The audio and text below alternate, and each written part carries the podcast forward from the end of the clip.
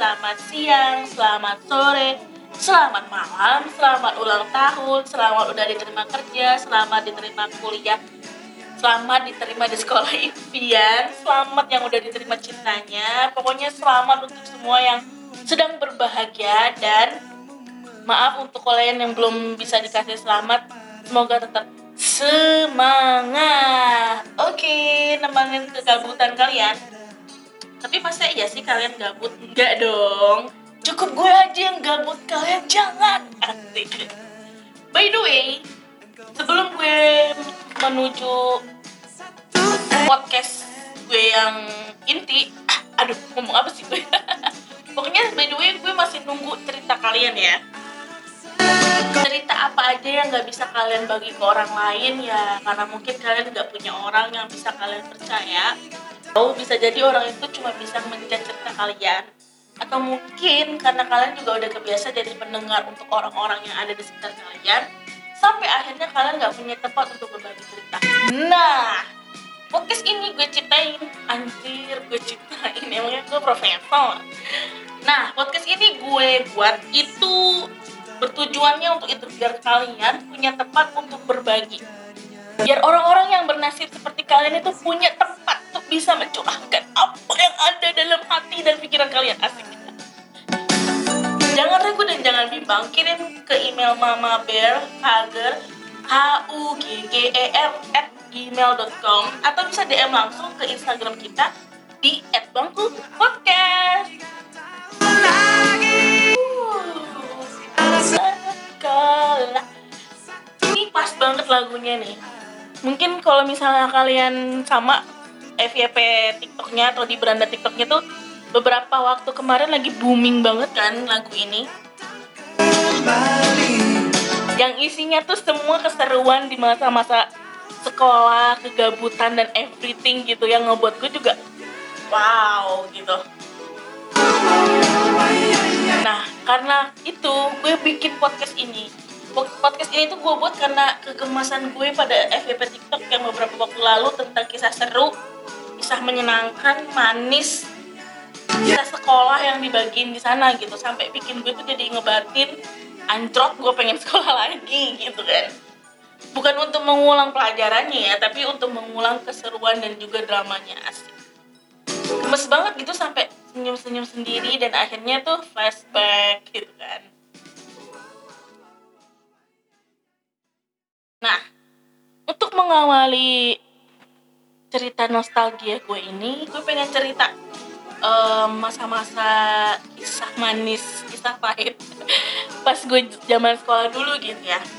Dari masa sekolah dasar sampai menengah atas momen-momen yang paling berkesan buat gue sih waktu SMP ya. Nggak tahu bagi gue SMP itu masa-masa termanis aja gitu dalam hidup gue kedua itu baru SMA nah yang ketiga itu SD gue ini kalau SD ini nggak seberapa inget sih karena isinya tuh tentang gue dibully, gue diejek, gue di kata-katain gitu kan. Jadi kayak nggak mau gue inget aja gitu. Tapi di SD juga ada pengalaman lucu gitu. Gue saat itu pernah suka sama cowok. Cowoknya ini ketua kelas kalau nggak salah ya. Agak-agak lupa, cuman gue masih inget banget mukanya. Dan gue tuh cerita sama teman sebangku gue yang notabene ini tetangga gue juga dulu gitu kan. Nah si bego ini si bego ini mau mauan aja gitu. Um, disuruh sama temen gue ini sebutlah namanya Dian ya. Um, ya udah sih lu lu kirim surat aja sama dia lu lu taruh di tasnya nanti pas istirahat gitu kan bilang lu suka sama dia tapi lu nggak usah kasih siapa namanya gitu kan. Gila so misterius banget kan kita dulu. Itu tuh bener-bener kayak masa ya sih gue zaman SD kelas 4 berarti itu umur sekitar 9 atau 10 tahun gue udah bisa udah punya pikiran kayak gitu gitu kan. Tapi si bodohnya ini ya gue ngikutin aja gitu loh. Dan yang gue inget itu yang bikin gue paling berkesan di ingatan gue itu gue ngelakuin itu terus gue masukin surat cintanya itu ke tasnya si cowok yang gue suka. Terus gak lama itu dibuka dia malah dibuang. Anjrot gak sih tuh nah itu gue nggak mau lagi tuh nginget-nginget. Pasti banyak banget tuh em, kisah-kisah menyedihkan di situ gitu kan. Kayak gue agak-agak melupakan masa masa-masa sekolah SD gue gitu ya. Nah di sini gue pengen banget ceritain masa masa SMP gue yang uh berkesan banget yang gue nggak pernah bisa lupain gitu loh. Jadi seperti di episode sebelumnya di podcast gue sebelumnya gue tuh pindah ke Tanjung Minang ini karena gue meng, eh, apa ikut dengan nyokap gue yang notabene baru nikah lagi gitu kan. Jadi istilahnya gue ikut karena udah punya keluarga baru. Gue pindah ke sini itu setelah menganggur 2 tahun gitu karena sejak lulus SD gue tuh nggak melanjutkan SMP di Bogor karena ya terhalang biaya dan segala macam jadi ya udah. Nah ketika gue pindah ke sini gue udah dapet sekolah yang menurut nyokap itu bagus dan deket juga dari rumah. Ya jadi em, gue itu pindah dari Bogor itu kan sudah nganggur 2 tahun gitu. Jadi gue masuk SMP ini setelah 2 tahun ketika gue harus kelas 3 gue ngulang lagi jadi kelas 1 gitu kan.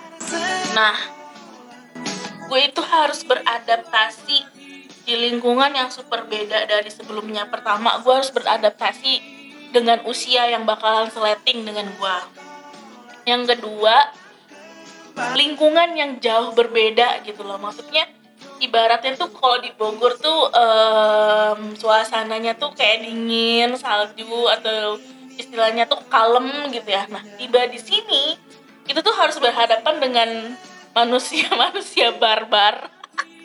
Em, sorry gengs. Jadi temen-temen gue di SMP di sini tuh gila. Ya, maksudnya ngomongnya tuh frontal banget gitu bikin gue kaget gitu loh. Jadinya terus ketika mereka juga mendengar gue tuh selalu menyebut diri gue tuh saya gitu kan. Jadi perkenalkan nama saya. Oh itu pas disuruh guru kan. Tapi kalau ngobrol biasa "Em, hari ini pelajarannya apa ya? Saya cuman bawa buku satu aja soalnya saya nggak tahu hari ini pelajarannya apa aja.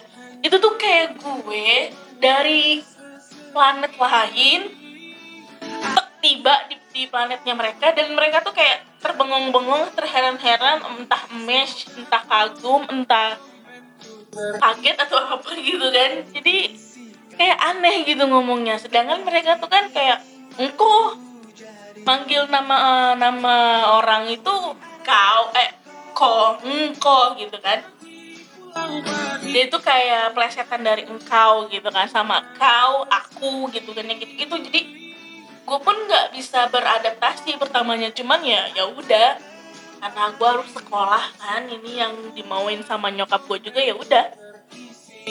Lambat laun gue bisa ber- beradaptasi walaupun masih banyak em, istilah bukan istilah ya kayak bahasa yang jauh berbeda gitu loh. Tapi ya alhamdulillah gue bisa beradaptasi dengan baik cuman saat itu tuh gue banyak temen laki-laki. Jadi satu kelas itu laki-lakinya lebih banyak daripada perempuan. Nah entah kenapa saat itu tuh gue kayak lebih nyaman aja gitu berteman sama cowok-cowok dan rasanya juga kayaknya temenan sama ceweknya kayak ngeliat gue tuh kayak "Hmm, oke gitu kan. Kayaknya bukan tipe gue deh untuk temenan gitu. Jadi kalau sama cowok tuh ya udah bebas aja main gitar ngumpul ngobrol-ngobrol ketawa-ketawa gitu. Sampai pada akhirnya gue juga pernah dimusuhin sama cewek satu kelas apa cewek sekelas gue gara-gara ya itu gue lebih lebih akrabnya tuh sama laki-laki tapi nggak tahu ya memang ya begitu gitu sampai yang bikin gue masih inget itu sekarang ada namanya si Ijul Hai Jul apa kabar? Dia itu nungguin gue di lapangan sepak bola deket sekolah untuk bisa bareng gitu. Kadang dia nunggu atau kadang gue yang duluan. Pokoknya nanti kita jalan bareng ke kelas gitu loh. Itu sweet banget. Tapi di antara kita tuh memang gak ada apa-apa. Kayak "Ya udah teman aja terus eh, waktu SMP juga gue pernah sih satu eh, pernah gue tuh dijadiin rebutan oleh kaum hawa eh kaum hawa kaum adam ketika ada bikin tugas kelompok gitu. Karena mereka tahu kan kalau satu kelompok sama gue nilainya bakal tinggi dan nggak perlu capek-capek ya. Gue menyadari itu tapi ya gue seneng aja saat itu ketika misalnya um, guru bilang oke okay, kelompoknya bebas milih gitu kan. Nah, berbondong-bondong tuh. Si cowok-cowok nih ke bangku gue duit duit aku aku aku aku gitu kan. Mau aku aku aku mau gitu kan. Dan gue kayak oh oh I apa? Gue terharu gitu kan. Gue kerasa kayak hmm, terkenal gitu apa sih lumayan banget. Itu um, dan di kelas 7 itu kan saat itu mulai ada istilah dari kelas 6, 7, 8, 9, 10 11, 12 pokoknya kan pertama masuk kelas SMP itu kelas 1 itu kan kelas 7 kelas 2, kelas 8 dan begitu seterusnya kan. Nah kelas 7 itu gue pernah suka sama teman sekelas gue juga cuman gue nggak pernah ngomong gitu. Gue pendem gue bener-bener literally gak ada orang yang tahu kalau gue tuh suka sama dia dan dia juga kayak nggak ngeh juga kan. By the way itu dia tuh anaknya tuh manis dan memang jadi apa ya bukan primadona. Apa sih kalau bahasa untuk laki-laki yang dikagumi di sekolah tuh apa namanya? Dia tuh gue ya manis anaknya murah senyum ramah juga. Dan kayaknya bukan gue doang gitu yang suka sama dia dan kayaknya bukan hal yang tidak meng, uh, hal yang biasa gitu bagi dia kalau ada orang yang suka sama dia atau ada teman-teman yang suka sama dia gitu kan. Nah udah gue pendem aja sampai akhirnya um, gue naik ke kelas 8 itu banyak perubahan lagi di mana lebih banyak perempuan dibanding laki-laki. Dan kelas 8 ini tuh gue di kelas unggulan gitu loh. Gue bersatu bersama orang-orang jenius sadap gue tuh pertama ngerasa aduh gue kayaknya nggak akan menang nih di kelas kayak gini nih. Kemarin ngelawan apa ngelawan kawan teman-teman gue ya udah lah ya ini kalau udah di sanding ini gue kayaknya nggak bakalan juara lagi nih gitu kan. Dan dan gue nggak satu kelas lagi sama teman-teman cowok gue di kelas 7 dan gue juga nggak sekelas sama si cowok yang gue suka gitu. Kelas 8 ini sih nggak terlalu terlalu tertar terlalu menantang terlalu gimana gimana ya. Cuman saat itu gue ingat gue pernah ikut lomba nyanyi guys. Ny uh, nyanyinya nyanyi. Kalau nggak salah lelaki buaya darat deh. Punyanya Maya sama Mulan waktu itu. Iya. Gue inget banget gue bener-bener all out. Pede gue tuh tingkat tinggi banget guys jadi um, gue nyanyi di satu aula besar gitu kan. Di mana um, anak-anak lain tuh pada ngumpul. Bukan anak-anak lain aja tapi um, temen-temen adik-adik kelas juga gitu ikut nonton. Gue dengan centil gaya can, apa dengan gaya centilnya gue hei lelaki buaya dan asik gitu gue kayak dari kanan kiri gue juga joget gue mainin rambut. Gue kalau inget itu hancur gue gue antara malu sama gue tuh kayak wah gila lu pede banget dulu gitu kan. Mungkin kalau sekarang nggak akan bisa sepede itu gitu ya. Dan alhamdulillahnya gue tuh juara dua. Gue juara dua saat itu. Wah gila. Terus di akhir semester kelas 8 gue jadi MC perpisahan acara perpisahan kakak-kakak kelas. Kalau dulu kan masih ada acara perpisahan kan? Mungkin sekarang ada ya karena ada pandemi aja jadi kayak nggak diadain gitu. Ya dulu tuh gue jadi em, pembawa acara perpisahan kakak kelas yang bener-bener heboh juga happy juga meriah juga gitu kan. Dan gue bersyukur juga waktu itu gue mampu membawa acara iya. Dan sekarang gue kayak lupa gitu jadi jadi diri gue sendiri. Sampai akhirnya gue um, ngerasa emang gue sehebat itu ya dulu?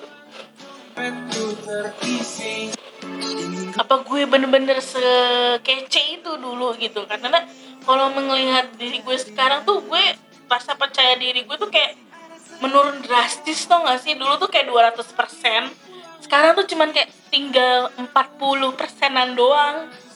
Nah, udah gitu kita naik ke kelas 9 di mana tahun terakhir. Tapi ini bener-bener mengesankan guys. Tahun terakhir di SMP inilah yang gak akan pernah gue lupain.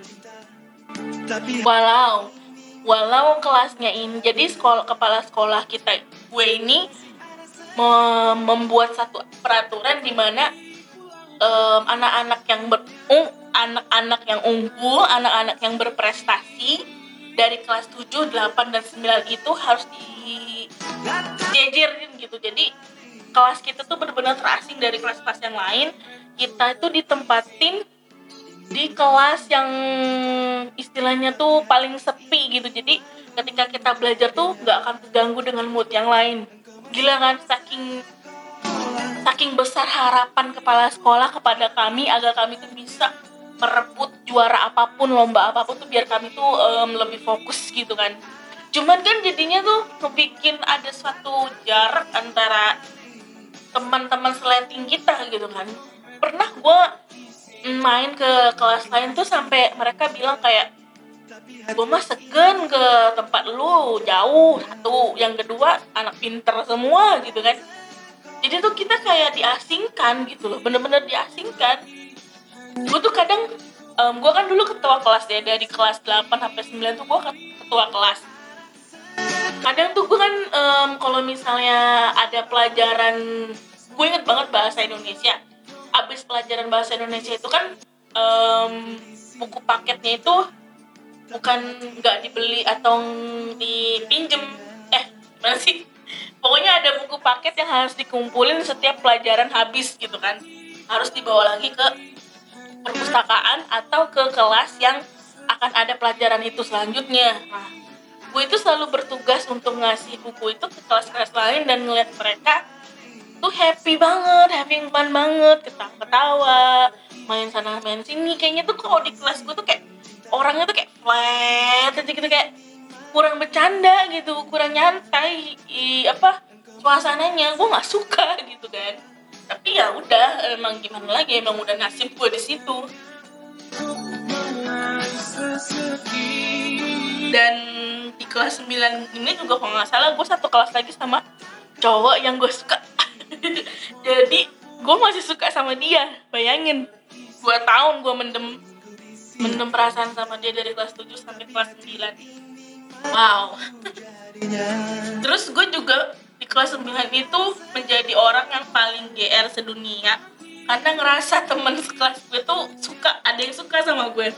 Padahal mah dia suka sama sahabat gue kan hancur tapi pernah nggak sih lu ngerasa kayak lu tuh lu udah pede nih? Karena satu cara mandang dia tuh ke kita beda. Yang kedua cara dia memperlakukan kita juga beda.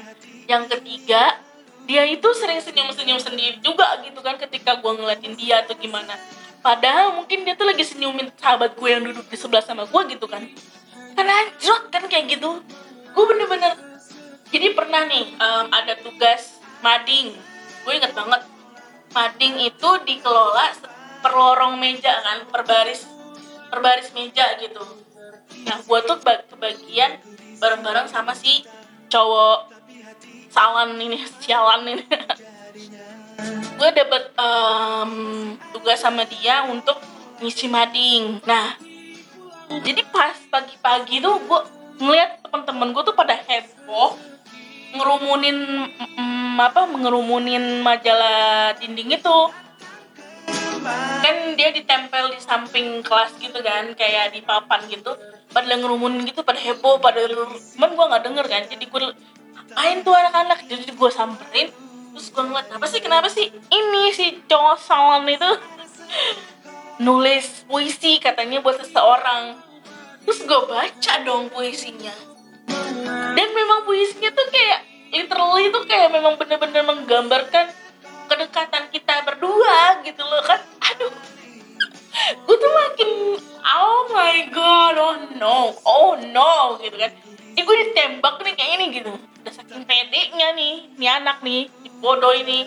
Ya udah gue pura-pura pura-pura bodoh aja lah ya kan. Tapi dalam hati asik. Yaudah deh gue bakalan nunggu lu nembak gue kapan pun gue ready gitu kan. Tapi alhamdulillah guys sampai kelulusan pun dia nggak ada. Dan memang dia juga sukanya sama temen gue dan kalau nggak salah ternyata sempat jadian tuh ini nggak melulu kisah cinta yang mulus sih ya nggak juga. Tapi setelah itu gue juga di eh, di kelas 9 ini gue menemukan first love gue first love nya gue gitu loh. Sebelum gue ketemu dengan first love nya gue ini gue sempet berantem sama cowok yang gue suka gitu loh bener-bener berantem hebat kita adu mulut sampai gue dibilang gila. Karena gue itu termasuk yang strict banget atau kelas yang disiplin banget. Karena kalau um, anak-anak pada li, pada ribut gue tuh marah gitu kan. Jangan ribut lah belajar kita ini udah kelas 9 gitu kan mau lulus. Nah si sangklek ini si cowok nggak beradab ini tuh ngelawan ngapain sih lu marah-marah mulu dari tadi wah itu loh. Pokoknya kita beradu mulut sampai akhirnya dia bilang gue gila gitu kan. Gue tuh kayak anjir tuh ya mentang-mentang lu udah tahu kalau gue suka sama lu yang gue juga nggak tahu kok lu bisa tahu gue suka sama lu gitu kan. Tapi ya udahlah gitu kan. Dari semenjak itu sih gue kayak feel feel gitu sama dia yang emang gak ada indah-indahnya lu ya. Maksudnya gini loh kalau emang nih ya bagi bagi kalian yang sedang ngedengerin podcast gue nih tolong deh. Kalaupun kalian tahu kalian tuh lagi disukain sama seseorang atau kalian sedang dikagumi oleh orang yang kalian kenal walaupun kalian gak bisa ngebales rasa kagum dan rasa sayang atau rasa suka itu setidaknya tuh kalian hargain lah. Jangan hanya karena kalian tahu oh gue disukain sama dia kalian jadi semena-mena gitu loh kita tuh suka kita tuh sayang tapi kan bukan berarti kita harus diperlakukan nggak baik. Kalau misalnya kalian malah memperlakukan kita nggak baik ya justru kita tuh jadi hilang rasa kan jadi ilfeel dong. Ini kebanyakan kayak gini nggak gue doang yang ngerasain. Pasti kalian di luar sana yang ngerasain hal sama juga ada kan. Nah kalian yang jadi pelakunya jangan gitu dong. Bertobatlah nak. Bertobat. Nah di akhir um, enggak di akhir ya ya mau di akhir semester pertama kelas 9 itu kalau nggak salah sekolah gue kedatangan murid baru murid baru dari luar kota juga. Dan santer kabar ter yang tersebar si cowok ini jago banget bahasa Inggris. Wah lu tahu kan kalau misalnya apakah sekarang juga sama apa enggak ya gue nggak tahu um, ketika ada sesuatu yang bagus maupun jelek itu kabar pasti nyebar. Tapi bukan dari anak murid dari guru-guru. Kadang nih ya gue aja nggak tahu kalau misalnya temen-temen gue berkasus atau apa tuh. Tapi dari guru tuh udah kayak tahu semua dan dia tuh dengan entengnya menceritakan aib-aib anak muridnya gitu loh. Itu yang gue bingung. Nah ini apalagi soal prestasi gitu kan. Pasti dengan bangganya dong apalagi guru yang suka banding-bandingin gitu. Nah gue paling males banget. Pernah satu hari guru tuh membanding-bandingkan si cowok baru ini di kelas kita gitu kan. Kalian tuh coba kalian tuh kelas unggulan kan. Masa bahasa Inggris kalian tuh banyak yang jeblok nilainya? Dia tuh apa um, murid baru bisa beradaptasi nilainya bagus bla bla bla bla gue tuh sampai saking gedeknya nih ya denger semua ocehan guru yang selalu muji dia dan ngebanding-bandingin kelas gue sama dia tuh kayak anjret nih siapa sih orangnya? Jujur gue tuh karena enggak karena kelas kita jauh juga kan gue tuh kayak enggak nggak pernah ngeliat dia gitu kan. Banyak juga sih yang teman-teman gue udah ngeliat karena saking penasarannya. Dia tuh jadi buah bibir banget di sekolah. Nah suatu ketika ketika gue bawa buku dari um, mau bawa buku dari kelas ke perpustakaan gue ngelewat kelas dia nih. Nah pintu kelasnya itu tuh nggak ketutup penuh agak kebuka sedikit gitu. Dan um, gue tuh ngedenger samar-samar dia tuh lagi ngajar temen-temennya bahasa Inggris gitu loh. Dan semua temen-temennya tuh bagus pada merhatiin dia dengan baik dan seksama gitu loh. Itu yang bikin gue pantes aja gitu loh. Pantesan guru-guru pada muji dia dan memang dia sejago itu gitu dan dia juga nggak pelit ilmu dia mau berbagi sama temen-temennya dan itu luar biasa kan gitu. Jadi ya udah deh tapi saat itu adalah pertemuan pertama gue gitu kan. Nah yang nggak gue tahu adalah guru juga melakukan hal yang sama dengan nama gue nama gue saat itu tuh ini mohon maaf nih gue bukannya memuji diri gue nih ya. Ini memang kronologinya nyata ini. Jadi ternyata nama gue juga sempat membuming di sekolah gitu kan. Karena ya gue ketua kelas gue alhamdulillah bisa mengikuti pelajaran dengan baik gitu kan. Gue juara terus dari kelas 7 juga gue juara padahal gue murid baru dan semacam gitu kan dan semacamnya gitu kan. Jadi rupanya di di belakang gue juga gue jadi topik pembicaraan guru-guru gitu loh. Nah ketika itu mungkin si cowok baru ini kita sebut aja Udin. Si Udin ini dengar gitu kan siapa sih yang dibicarain sama guru-guru ini? Gue penasaran deh gitu kan sampai akhirnya pada ada acara lomba pantun seprovinsi antara SMP gua teman gua sama si Udin ini ditunjuk sebagai perwakilan sekolah. Nah di situ pertama kalinya kita ngobrol pertama kalinya kita kenalan. Emang agak canggung sih ya tapi itu pertemuan yang bener-bener sweet banget guys sampai akhirnya gue deket sama dia tukeran nomor handphone kita ngobrol. Saat itu SMS kan tapi cuman karena gue juga handphonenya tuh berdua sama abang agak jarang gitu kan SMS sama dia. Cuman kita sering ketemu di sekolah. Kadang dia nyamperin gue ke kelas atau dia yang bawain buku gue pokoknya sweet banget deh saat itu sampai akhirnya gue ngerasain benih debaran-debaran cinta. Ya gue tuh um, gak nyadar sih sebenarnya saat itu tuh. Cuman gue ngerasa apa ya kok gue kalau ngeliatnya deg-degan gini gitu. Tuh kayaknya gue pengen ngeliatin dia terus. Apalagi dia tuh orangnya tuh konyol gitu loh. Bener-bener suka berek konyol gitu. Dan bikin gue kayak selalu ketawa aja gitu kan. Nah selang beberapa bulan dua bulan atau tiga bulan setelah pertemuan kita itu nggak tahu ya gue lupa gimana ceritanya.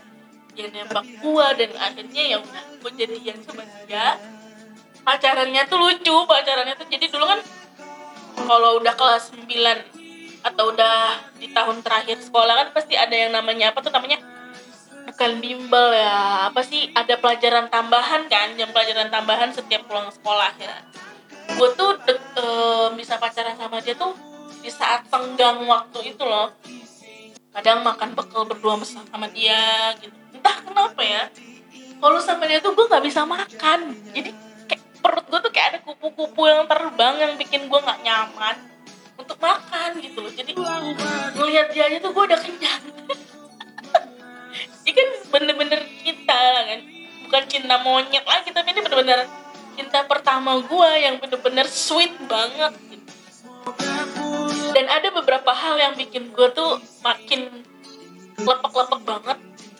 Pernah pagi-pagi gue baru datang dari gue datang ke sekolah anak-anak lagi pada piket nyapu halaman depan sekolah. Gak lama tuh si Udin teriak-teriak panggil nama gue gue kira apa kan? Ini ceritanya teman-teman kelas gue ini belum tahu ya gue pacaran sama dia dia datang dia bawain makanan kayak apa kue brownies yang di mika mikain gitu yang kecil petak gitu sama makanan lainnya. Dia kasih nih buat kamu. Itu anak-anak semua heboh cing gitu gitu lah ngejek ih kenapa? Kok bisa lu ngasih ke um, Din kok lu ngasih ke dia? Emang lu uh, apanya dia? Gue kan cowoknya dia kenapa? Masalah. Itu langsung heboh lagi dong guys. Sampai akhirnya satu sekolah sampai guru-guru tuh tahu kalau gue tuh pacaran sama si Udin. Anjrat emang. Nih ya kadang juga ada hal yang lucu yang nggak pernah bisa gue pikir kenapa dia kayak gitu. Lagi belajar guru um, lagi belajar pelajaran geografi. Gurunya ini bisa dibilang cukup gaul lah. Kita pun cukup dekat dengan beliau gitu kan. Karena dia dan dia ini gurunya ini sama si Udin tuh deket juga. Jadi dia tuh bisa nih datang. Kan kelas dia kan agak jauh kan karena dia bukan di kelas unggulan. Dia bisa lari. Lari dari kelas dia menuju kelas gua cuman bilang I love you. Sambil sebut nama gue dia bilang I love you ya tuh gila gak sih? Satu kelas satu deretan itu denger. Dan gue dicecein lagi. Tapi guru-guru tuh juga ketawa. Gue cuma bisa senyum senyum anjir kalau gue kalau gue inget itu oh my god. Tapi ya udahlah itu kan namanya juga masa lalu ya. Gue cuman kayak flashback aja gara-gara lagu ini nih gara-gara lagu ini. Bener-bener gue yang paling gue syukurin karena gue juga bisa um, persahabatan itu tuh sampai sekarang. Benar-benar bertahan walau banyak cobaan terjal menghadang atau yang udah kita hadapin di belakang sana. Gak gampang rumahnya untuk mempertahankan suatu hubungan itu gak gampang. Dan apalagi isi kepala dan juga sifat kita tuh jauh berbeda gue sebenarnya adalah tipikal orang yang hmm, baik itu sahabat baik itu enggak. Gue tuh tipikal orang yang harus keep in touch gitu loh. Yang harus kayak gitu yang harus menjaga hubungan kan. Kadang kan tapi nggak juga harus semuanya kayak gitu. Tapi gue harus harus harus kayak gitu. Nggak tahu kenapa. Karena bagi gue komunikasi itu adalah hal yang penting dalam satu hubungan ya nggak sih kalau nggak kita menjaga komunikasi ya kita gimana? Mau menjaga satu hubungan? Gitu. Nah, pokoknya panjang lah kalau udah ngomongin tentang zaman sekolah ya karena gue bener-bener tidak pernah menyesal menjadi diri gue yang open menjadi diri gue yang extrovert percaya diri ceria dan periang gitu. Sampai kadang kalau ketemu teman-teman sekolah apalagi teman sekolah SMP tuh kebanyakan dari mereka kenal gue tahu gue tahu nama gue gitu kan. Dan berani juga mereka manggil gue gitu. Cuman gue nya aja yang pikun. Gue tuh kadang inget mukanya tapi nggak tahu namanya. Kadang gue inget namanya tapi nggak tahu mukanya. Nah kayak gitu. Dan tapi alhamdulillahnya masih seperti itu sampai saat ini. Jadi di mana pun gue ada ketemu sama teman SMP tuh mereka selalu lebih ramah. Dan gue juga harus dua kali lebih ramah ke mereka sampai untuk tidak mer apa untuk menghargai lah betapa mereka tuh mengingat kita gitu kan. Lagi-lagi gue bener-bener bersyukur banget walau gue nggak segood looking sahabat-sahabat gue yang lain setidaknya ya attitude gue harus baik dan bagus. Jadinya gue bisa membaur sama mereka. Dan nggak pernah merasa merasa tersaingi sih.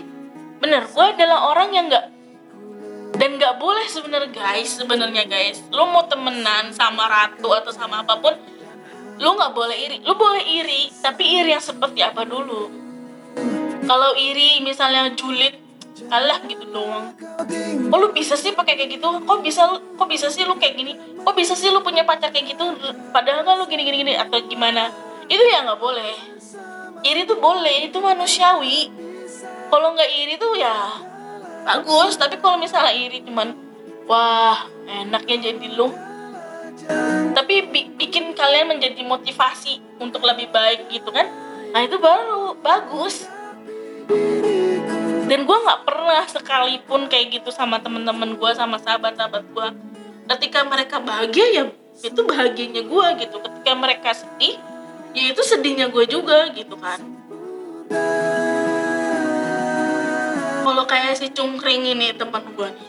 Kalau lagi ngumpul tuh pasti dia menceritakan berbagai macam jenis sifat dan bobroknya cowok-cowok kan.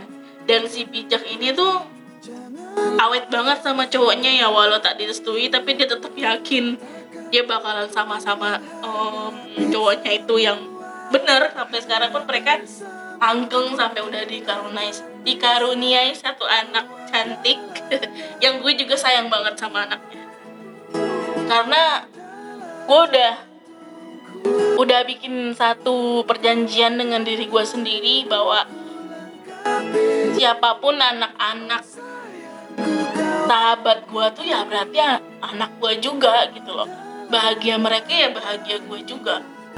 Gue ikut seneng lah dengan apa pun cerita bahagianya sahabat-sahabat gue dan gue juga bakalan menjadi perisai pertama kalau mereka disakitin ataupun gak bahagia. Walau kadang suka lebay gue nya tapi ya memang gitu sih gue Oke, nah sebelum gue tutup podcast kecintaan kalian ini dan sebelum gue juga melau lagi, nanti gue nangis kayak podcast sebelumnya, gue mau umumin sesuatu yang spesial. Apakah itu? Oke, ya jadi next podcast gue bakal ada new segmen, segmen baru yaitu tentang cubat gue jujur kasih judul cubat atau curhat bareng sobat. Ya gue bakal podcast bareng mereka bareng si cungkring dan juga si bijak. Dan semoga kalian juga bakalan suka dan bakalan sayang sama mereka. Seperti gue asoy jadi tunggu aja ya updatean podcast gue. Mudah-mudahan lebih seru lebih bermanfaat berfaedah. Walaupun gue juga nggak ngerti bermanfaat dan berfaedahnya di mananya Pokoknya tunggu aja terus dan makasih kalian udah dengerin podcast ini sampai habis. Udah, kayaknya udah kepanjangan dan kalian juga pasti udah bosen. Baiklah. Untuk itu, kalian jangan lupa jaga kesehatan, jaga diri dan jaga hati. Sehat-sehat ya. Sampai jumpa di episode selanjutnya. I love you. Bye.